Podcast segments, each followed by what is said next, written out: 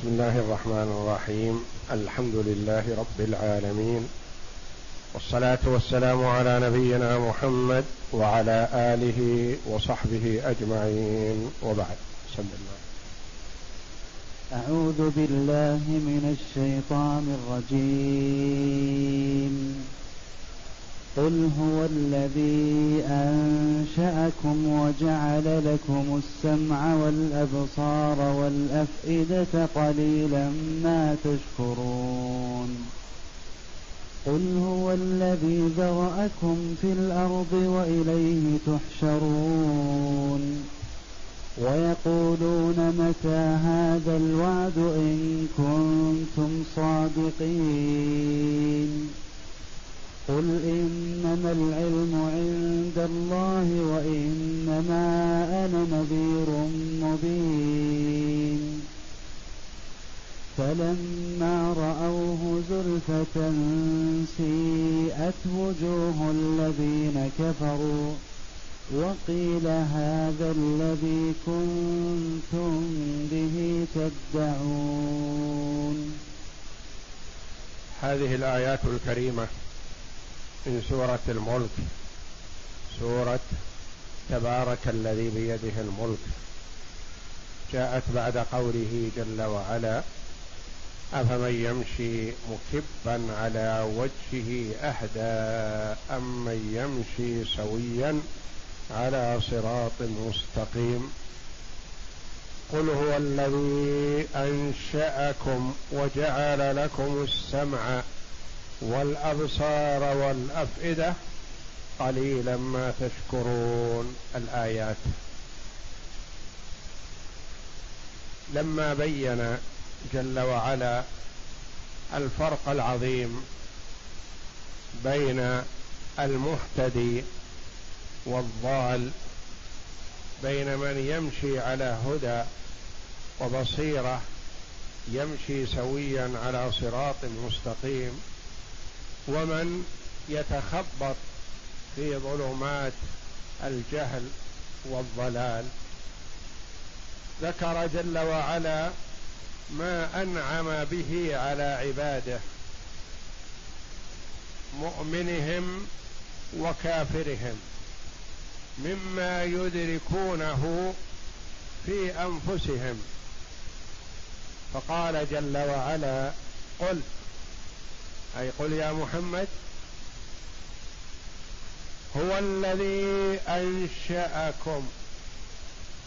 هو الذي أي الله جل وعلا هو الذي أنشأكم يعني أوجدكم وخلقكم من العدم إلى الوجود وجعل لكم السمع لتسمعوا به وتميزوا بما بسمعكم والابصار جمع بصر لتدركوا بها وتروا ايات الله جل وعلا المشاهده والافئده القلوب لتميزوا بين الحق والباطل لتميز بين الايات الداله على كمال قدره الله جل وعلا وتدرك الفرق لان العقل يميز بين الهدى والضلال يميز بين الخير والشر يميز المرء به بين النافع والضار فذكرهم يا محمد بما انعم الله جل وعلا به عليهم من النعم افلا يشكرون هذه النعم وشكرها هو استعمالها فيما خلقت له مثل شكر نعمه المال المال اعطاك الله جل وعلا اياه نعمه ومن شكر هذه النعمه ان تستعين به على طاعه الله فاذا لم تستعن به على طاعه الله فقد كفرت هذه النعمه السمع والبصر والعقول لتدركوا بها لتدركوا المسموعات بالسمع وتدركوا المبصرات بالبصر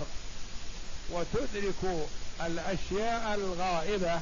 والاشياء المعنويه التي لا ترى بالعين ولا تسمع بالاذن لتدركوها بعقولكم فإذا فعلتم ذلك آمنتم بالله فكان الشكر كثير وإن لم تستعملوها فيما ينفعكم واستعملتموها فيما يضركم فقد كفرتم النعمة فلا شكر حينئذ قليلا ما تشكرون قليلا صفة لموصوف محذوف يعني شكركم قليل والمراد إذا قرن شكر الخلق على قدرهم فهو قليل جدا يعني وقليل من عبادي الشكور أو أنه معدوم تقول قليلا ما تزورنا يعني ما زرتنا الشكر معدوم لأنكم لم تستعملوا هذه الأدوات والحواس فيما خلقت له والله جل وعلا خلق العقل والإدراك وتعبد المرأة بعقله فإذا فقد العقل فالله جل وعلا قد اسقط التكاليف عن عن العبد ما عليه صلاه ولا عليه صيام ولا عليه شيء من العبادات البدنيه وانما عليه من العبادات الماليه اذا كان له مال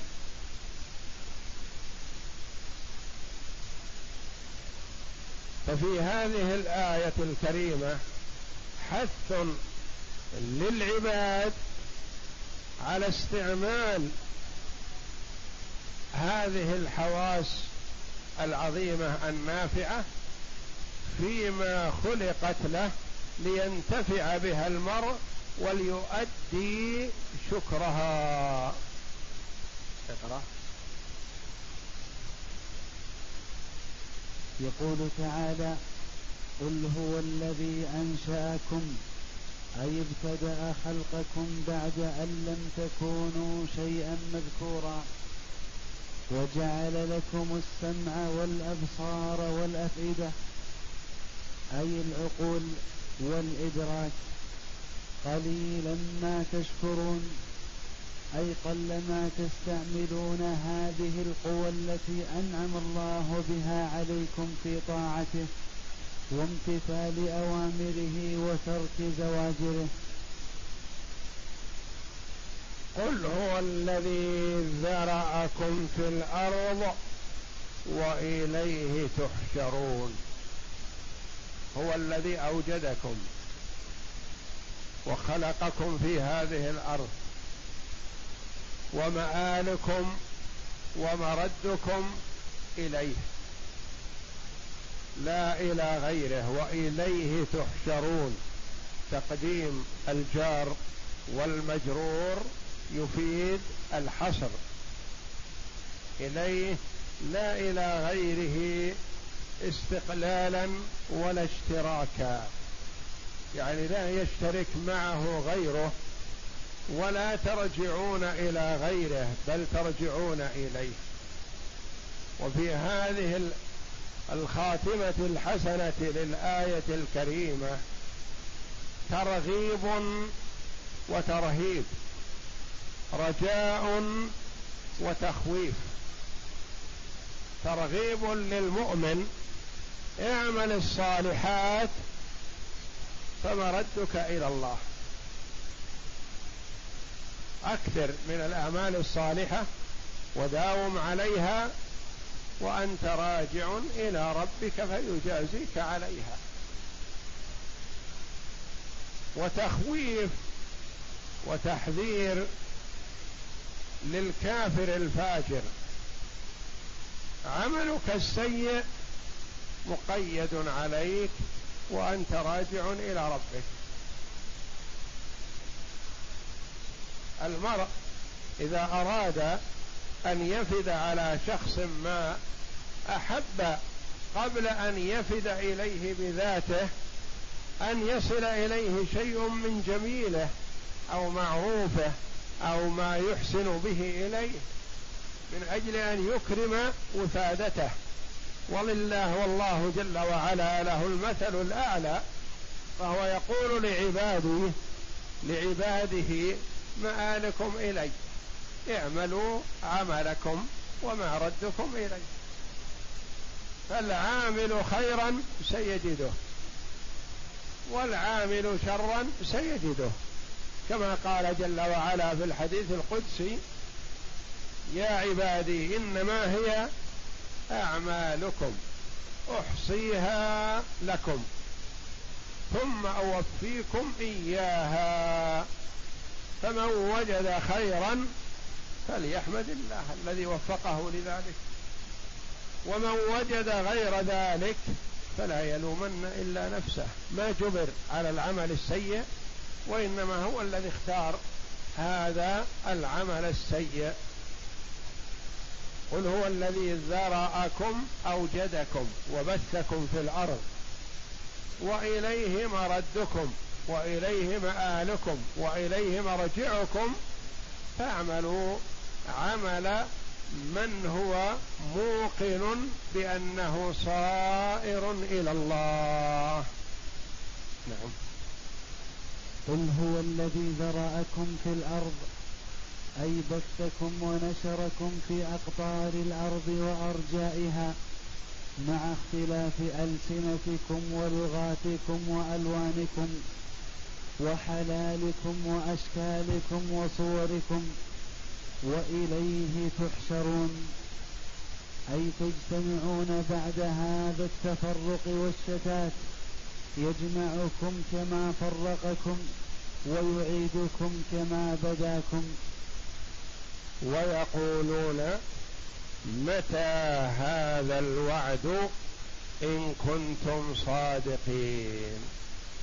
يقول الكفار للنبي صلى الله عليه وسلم والمؤمنين متى هذا الوعد الذي تذكرونه تقولون في جنة وفيه نار متى وتقولون في قيام ساعة ونحو ذلك متى هذا سؤال تهكم واستهزاء وسخرية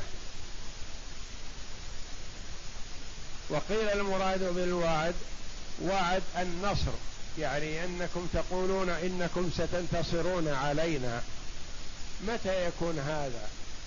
من باب الاستبعاد بانه لا يمكن ان تنتصروا علينا وانتم بهذا الضعف والمهانه ونحن بهذه القوه والكثره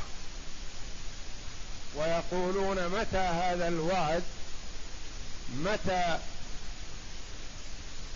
هذا الحساب وهذا الجزاء متى يكون هاتوه قربوه كما قالوا وقال الله جل وعلا عنهم وقالوا ربنا عجل لنا قطنا قبل يوم الحساب قال لهم النبي صلى الله عليه وسلم الحساب يوم القيامه والجنه والنار قالوا ربنا عجل لنا عذابنا عطنا اياه من باب التهكم بالنبي صلى الله عليه وسلم ومثل قولهم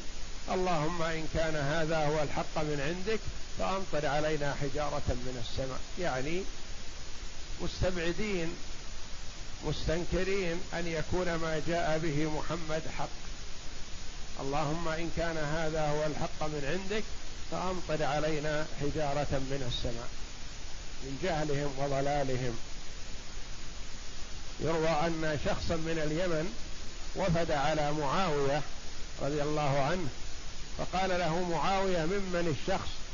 ممن الرجل قال من اليمن قال ما أجهل قومك حينما قالوا ربنا باعد بين أسفارنا قراهم متلاصقة ومتقاربة والسفر عندهم سهل وميسور ويسألون المباعدة بينها قال ما أجهل من قومي إلا قومك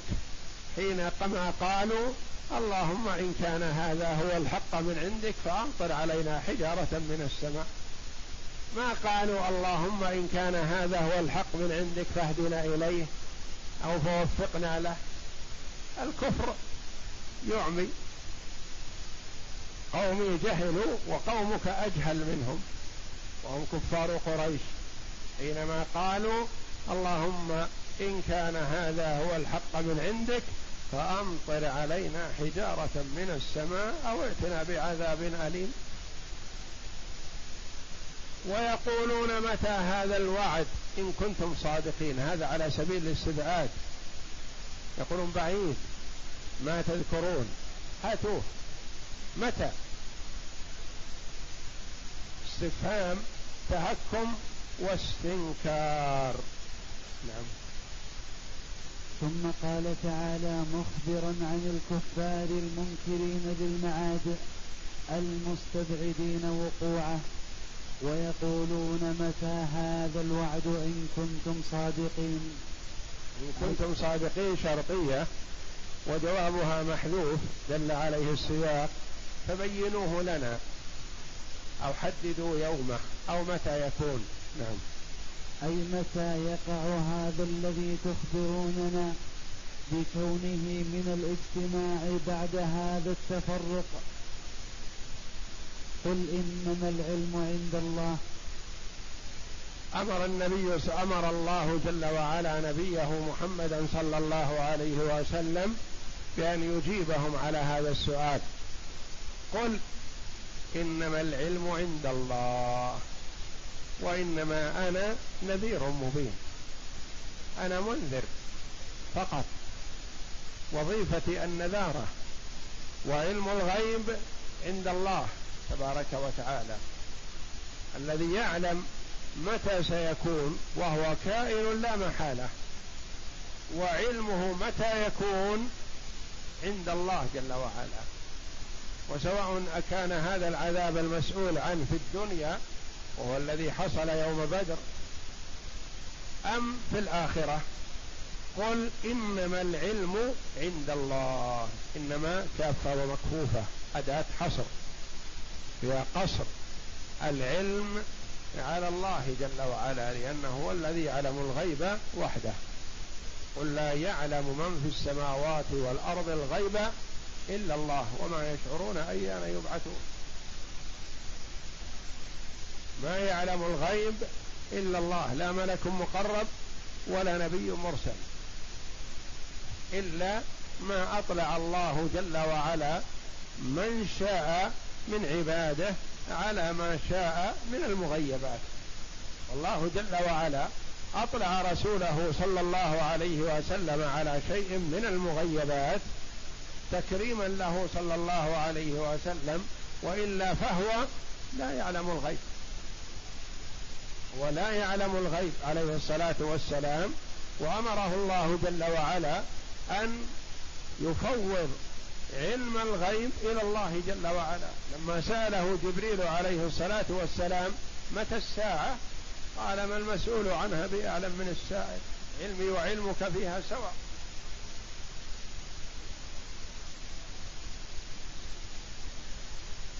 إن الله عنده علم الساعة وينزل الغيث ويعلم ما في الأرحام وما تدري نفس ماذا تكسب غدا وما تدري نفس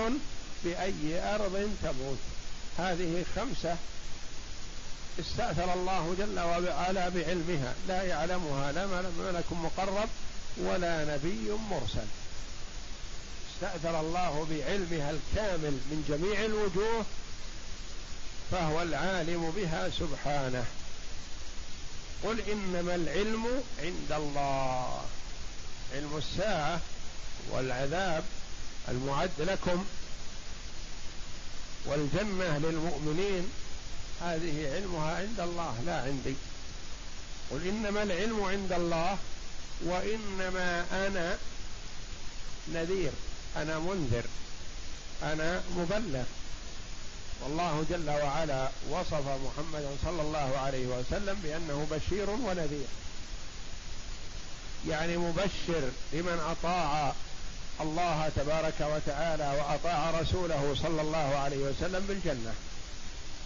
ومنذر ومخوف من عصى الله وعصى رسوله بالنار وإنما أنا نذير لا علم عندي من علم الغيب الا ما اعلمني الله تبارك وتعالى والرسول صلى الله عليه وسلم يسال عن اشياء غائبه فلا يجيب وانما ينتظر العلم من الله جل وعلا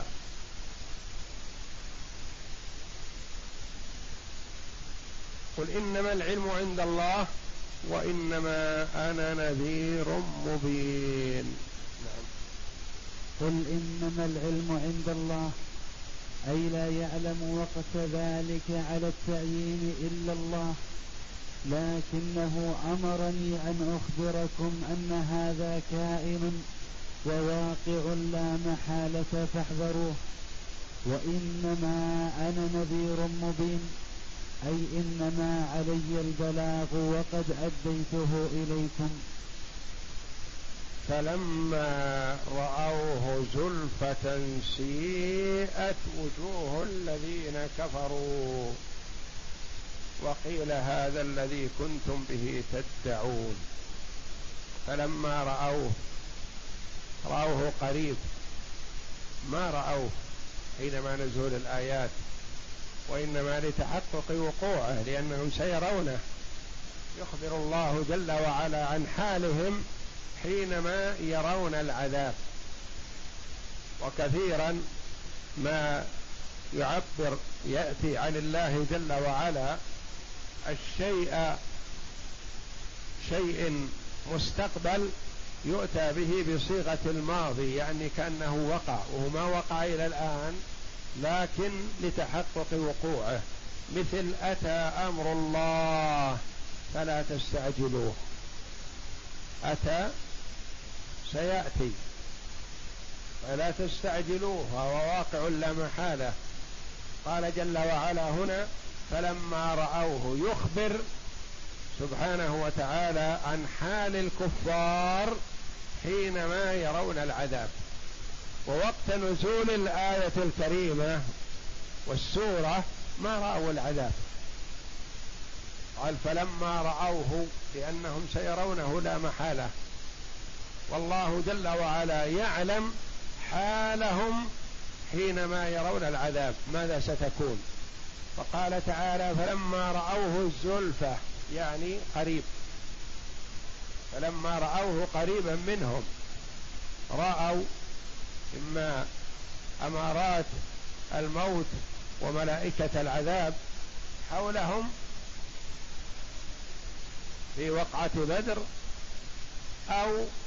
ما يرونه عند القيام من القبور البعث والنشور فلما رأوه زلفة يعني رأوه قريب وشاهدوه وأدركوها الآن سيئت وجوه الذين كفروا ظهر عليها السوء وظهر عليها السواد وظهر عليها القتر وظهر عليها الخوف لكن خوف لا ينفع الخوف من عذاب الله في الدنيا ينفع ان المرء اذا خاف استعد فنفعه خوفه والخوف عباده لله جل وعلا اذا خاف العبد من ربه عبده فلما راوه زلفه سيئت وجوه الذين كفروا سيئت ساءت واسودت وقبحت لما ترى من العذاب المحدق بهم وهل هذا عند وقعه بدر أدركوا هذا حينما رأوا الملائكة تضربهم وتقاتل مع المسلمين أم هذا عند البعث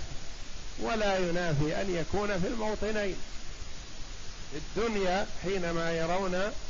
العذاب والهلاك وعلاماته وعند القيام من القبور فلما رأوه زلفة سيئت وجوه الذين كفروا وسجل عليهم جل وعلا كفرهم بالإتيان بالظاهر بدل الضمير فلما رأوه زلفة سيئت وجوههم لكنه قال جل وعلا سيئت وجوه الذين كفروا لتسجيل الكفر عليهم لتشكيل هذه الصفة الذميمة القبيحة وأن هذا السوء يحصل للكفار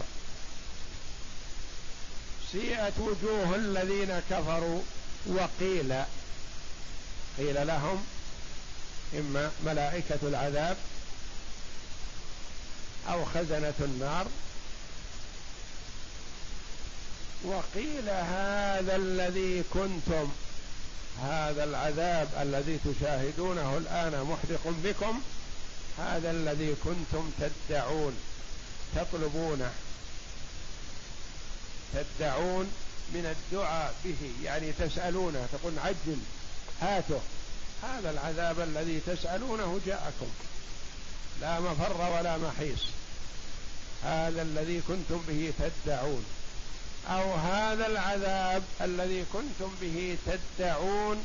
يعني تنكرونه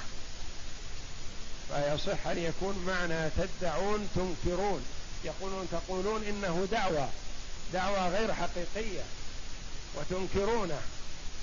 تنكرون هذا بان هذا مجرد ادعاء من محمد صلى الله عليه وسلم والمؤمنين وانتم تنكرونه فهذا وقع وقيل لهم هذا الذي كنتم به تدعون هذا العذاب الذي استبطأتموه وكنتم في الدنيا تستعجلونه وتسألونه أو كنتم في الدنيا تنكرونه وترون أنه مجرد دعوى من محمد صلى الله عليه وسلم لا حقيقة له فلما رأوه زلفة سيئت وجوه الذين كفروا لما قامت القيامة وشاهدها الكفار ورأوا أن الأمر كائن قريب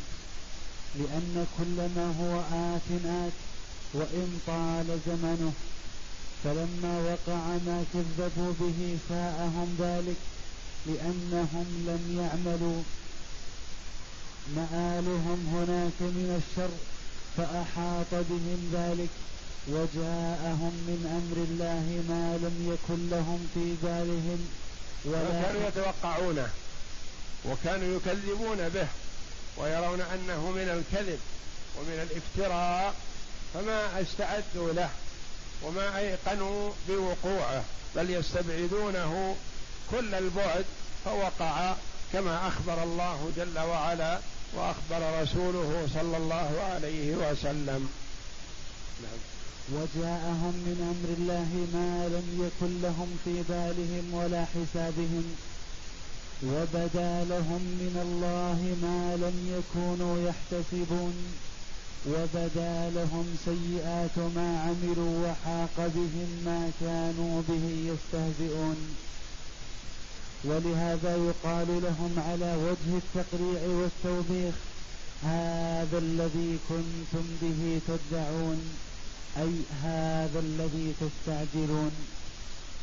والله أعلم وصلى الله وسلم وبارك على عبد ورسول نبينا محمد وعلى آله وصحبه أجمعين